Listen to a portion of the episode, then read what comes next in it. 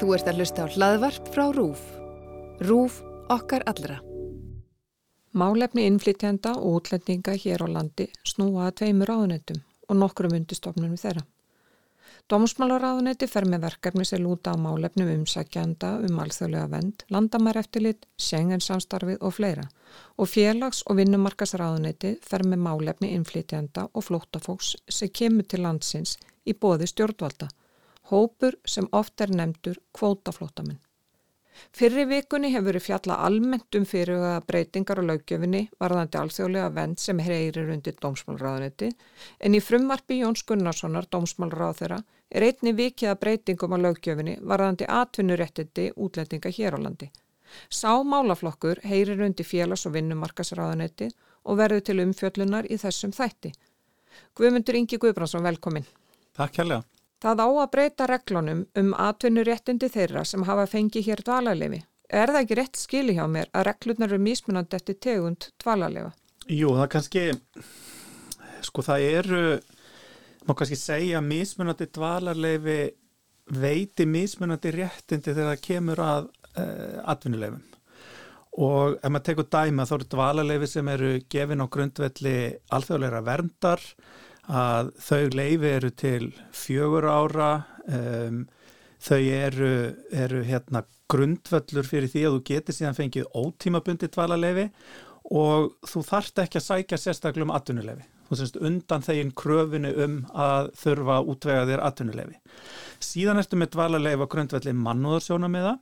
það er gefið til eins árs í senn en hægt að fá hérna endur skoða það er líka grundvöllur fyrir ótímabundum dvalarleifi, það getur verið það síðan meir, en þar þarf það að sækja sérstaklega um atvinnuleifi og þú færða semst ekki sjálfkrafa eins og í hinum floknum. Og sama með bráðabyrðadvalarleifi á meðan á umsókn flótamanns stendur eða útlendingstendur uh, þegar hann er að sækja um alltjóðlega vernd, gefið til sex mánada og þá þarf þetta að sækjum og sama þegar það er um sérstök tengsl við, við, við landi. Þannig að þetta er svona kannski nokkur dæmum það, þetta, það er mismunandi hver réttindi fólks eru og eitt af því sem að bæði er í stjórnarsáttmála og var kom fram í frumvörpum fyrri dómsmálaráþur og svo núna dómsmálaráþur Jóns Gunnarssonar var að breyta þessu hvað varðar um, atvinnuleifi til handa þeim sem eru með dvalarleifi á grundvöldi mannúðarástæðina og vegna sérstaklega tengsla við landi þannig að þú þurfir ekki sérstaklega sækja. Og þetta er eitthvað sem að, að við teljum að sé bara e, mjög sjálfsagt mála að, að gera og myndu þetta auka að vissuleiti réttindi þessa fólks. E, en það er líka rétt að hafa í huga að sko dvalarleifi sem er gefið út af útlendingastofnun, það er alltaf forsenda þess að þú getur fengið atvinnuleifi og ef þú ert ekki með dvalarleifi þá er óheimilt að veita þér atvinnuleifi til dæmis að það er búið að vísa þér úr landi að þá er óheimilt að, að hérna, e, veita þér atvinnuleifi. Þetta snýst um fólk sem hefur fengið hér dvalarleifa mannúðar ástæðum en hvernig er það? Hafa þeir sem koma frá Úkrænu fengið hér flíti með fyrir kerminu? Dvalarleifið sem að þau fengu eru dvalarleifa mannúðar ástæðum en þarna var í fyrsta skipti verið að virkja eina grein útlendingalagana sem að e, fjallar um dvalarleifi til handa fólki sem eru þar sem um er að reyða fjöldaflóta og þannig er um að reyða fjöldaflóta því það er mjög margt fólk sem er að koma frá einu stríðsrjáðu ríki. Og þannig að sko öll málsmeðferðin við að veita um dvalarleifið var miklu einfaldari og það hefur allt saman gengið mjög hratt og vel fyrir sig. Eitt af því sem við gerðum til þess að, að reyna að, að svona, já hvað maður að segja, að, að, að stitta tíman sem þetta tekur og ekki bara fyrir fólk frá Úkrænu, heldur fyrir eh, öll sem að hinga þeir að leita alþjóðleiri vernd eða koma hérna uh, og fá, fá leifi á, á grundalli mannúðarsjóna með það eins og Úkrænu hérna búar fá, að það var að búa til þessa miðstöð í Dómus Medica þar sem við erum með uh, heilbreyðiskoðunina, við erum með í rauninni uh, viðtölun hjá útlendingastofnun sem eru gröndöldurinn fyrir því að fá dvalarleifi, við erum með vinnumálastofnun sem er í því að reyna að miðla fólki út á vinnumarkaðin og við erum með, með uh, fjölmenningasettur sem hefur líka hlutverki að aðstóða flótafólk sem hinga kemur. Þannig að það var svona reynd að taka sérstaklega utanum þetta. En varðandi úkrænubúana í rauninni það var ekki greipið til eitthvað sérstakra aðgerða varðandi atvinnulegin uh, umfram það sem að vinnumálastofnun gerir uh, og er að sinna öllum með sama hætti. Uh, það eru, vinnumálastofnun hefur gefið út allmörg leifi til handa úkrænubúum á þessu ári, ég man ekki tölun alveg en með minnur hún sé um 350 frekar en 400 og hluti af því fólki er fólk sem að vinnumálastofnun hefur aðstóðað við í rauninni að fá vinnu í gegnum sína vinnumiðlun en hlutaði er fólk sem hefur fengið bara vinnu án aðkomu stofnunarinnar og fengið, fengið atvinnuleif á grundalli þess að það komið dvalarleif og þá komið með atvinnu. Dæmi eru um að fólk sem er komið með dvalarleifi hefur þurft að býða lengi eftir atvinnuleifinu og það jafnvel mist starfið vegna þessa. Því atvinnuleifið gildir bara fyrir þetta viðkomandi starf. Já, sko meðaltals tímin við veitingu atvinnuleifa eh, er ef ég mann rétt um þrjár vikur. Það er ekkert rosalega langu tími en það er vissulega meðaltal. Eh, það eru dæmi um það að þetta taki mun lengri tíma en það er í flestum tilfellum ef að það vantar eitthvað gögn um, og svo er það náttúrulega þessi grundvallafósenda við komum til hafið dvalarleifi í landinu sem að, sem að þarf að gilda. Þannig að eins og mér sínist þetta að vera allavega eh, svona allajafna að þá eru atvinnulegin afgreitt rætt en ég ætla ekki að efast um að það séu dæmi um annað. Eh, það sé, sé í flestum kerfum að þá eru dæmi um annað en, en allavega hvað þetta varðar að þá,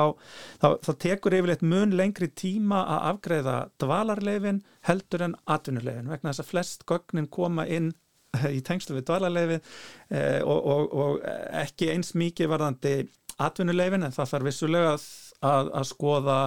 Um, til dæmis bara er verið að uppfylla kjærasamninga sem er nú mjög mikilvægt fyrir fólki sem er að koma þegar um slík leifi er að ræða. Guðmundur Ingi, það vantar fleiri vinnandi hendur á Íslandi og á sama tíma hefur umsóknum um alþjóðlega vend fjölga. Er hægt að breyta kerfinu og eitthvað hátt fyrir til að mynda fólk sem þegar er með vend í öðru ríki? Þannig að það getur sótt á auðveldan hátt um leifi til að vinna hér? í stað þess að sækjum alþjóðlega vend. Svona eins og ríkisborgara allara landa innan evróska efnaðsvæðisins geta gert? Ehm, þegar að umsækjandi um alþjóðlega vernd kemur hingað eh, getur viðkomandi fengi bráðabyrra dvalarleif í sumum tilfellum. Það er ákveðin skilir í lögunum um útlendinga sem að þarfa uppfylla og eitt af þeim er að það séu ekki sínilegar ástæður til brottvísunar sem að þýðir þá það að það sé þá líkur á því að viðkomandi hljóti hér alþjóðlega vernd. Og uh, á grundvelli slíks bráðabyrða dvalarleifis er hægt að fá atvinnuleifi líka. En það þarf að, það þarf að sækja um það, það kemur ekki sjálfkrafa og, og um, við höfum hins vegar uh, í stjórnarsáttmálanum að þar er talað um það að lögum útlendinga verði tekinn til endurskoðunar og þá með það markmiði að ringa ákvæði er varða útgáfi dvalarleifa á grundvelli atvinnuþáttöku og þetta er eitthvað sem að en bara ennþá í vinslu og ég get ekki sagt nákvæmlega til um náttúrulega hvað kemur út af þeirri vinnu, hún er reyndar á ábyrg dómsmálaráðunitisins en við erum að setja saman svona sameilegan hóp um atvinnuleifi á milli dómsmálaráðunitisins, félagsmálaráðunitisins og háskóla einaðar og nýsköpunaráðunitisins til þess að reyna að samræma og halda betur utanum þetta og hafa þá svona, uh, já bara fleiri ráðuneyti í að akkurat að ræða þessi mál. En þetta eru þetta eitthvað sem að uh, ég held að þurfi að skoða að fólk geti komið yngað, ekki endilega til þess að leita sér eftir því að fá hér alþjóðlega verð, að það sé miðin þeirra til þess að komast inn í samfélagið, heldur að það geti mögulega fengið vinnu bara rétt eins og uh, íbúar innan uh, Evróska efnagsvæðisins. Það þarf að skoða ímsa þætti í kringum þetta en mér finnst sjálfsagt að, að, að skoða þetta og kannski finnst manni það ennþá sjálfsagðara þegar það vantar fólk til starfa þannig að það er,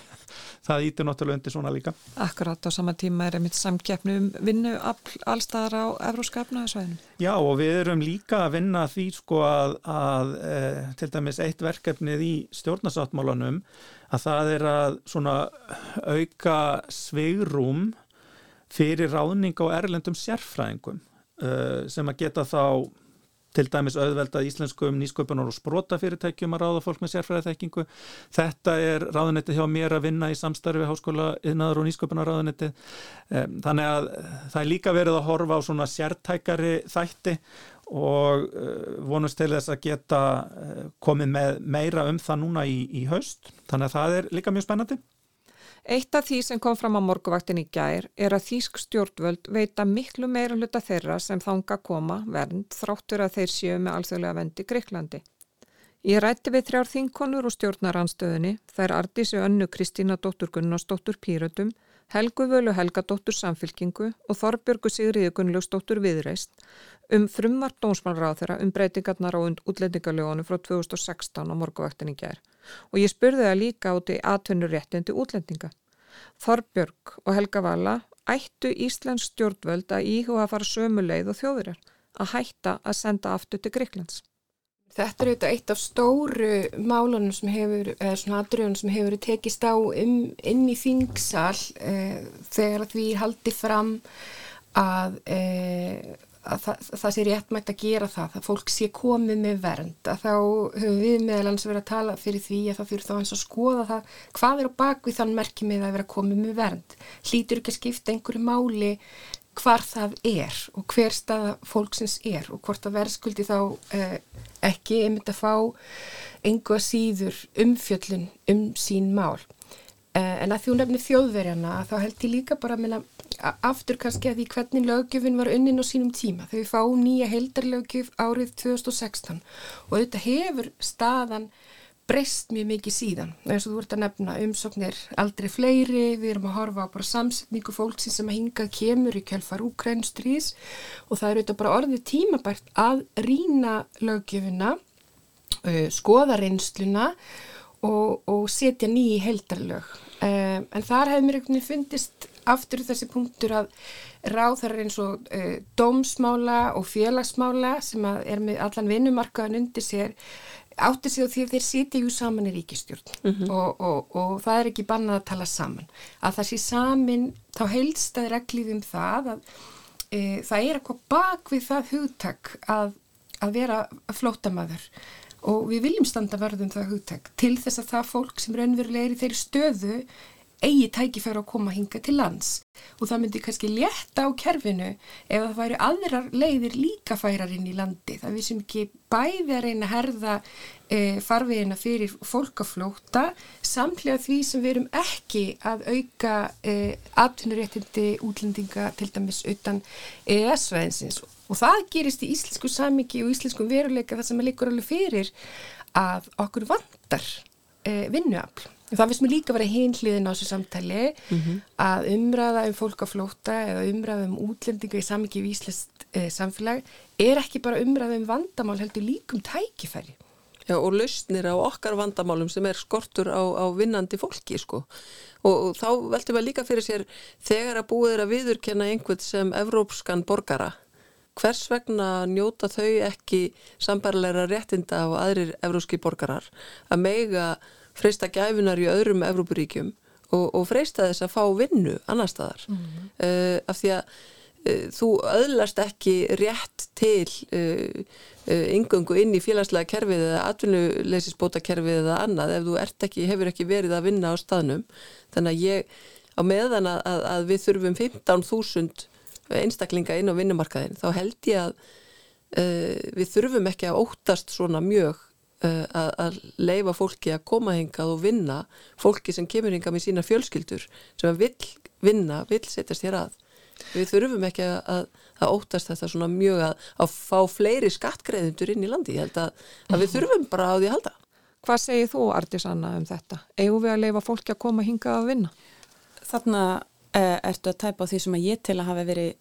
séu einn stærstu mistök sem að Evrópa hefur gert við uppbyggingu þessa kervis og það er að líta á fólk sem einhver að bögla, einhver dýr sem verið að bjarga og þeim er að duga að vera, með vatn og, vatn og, og, og smá matabita uh,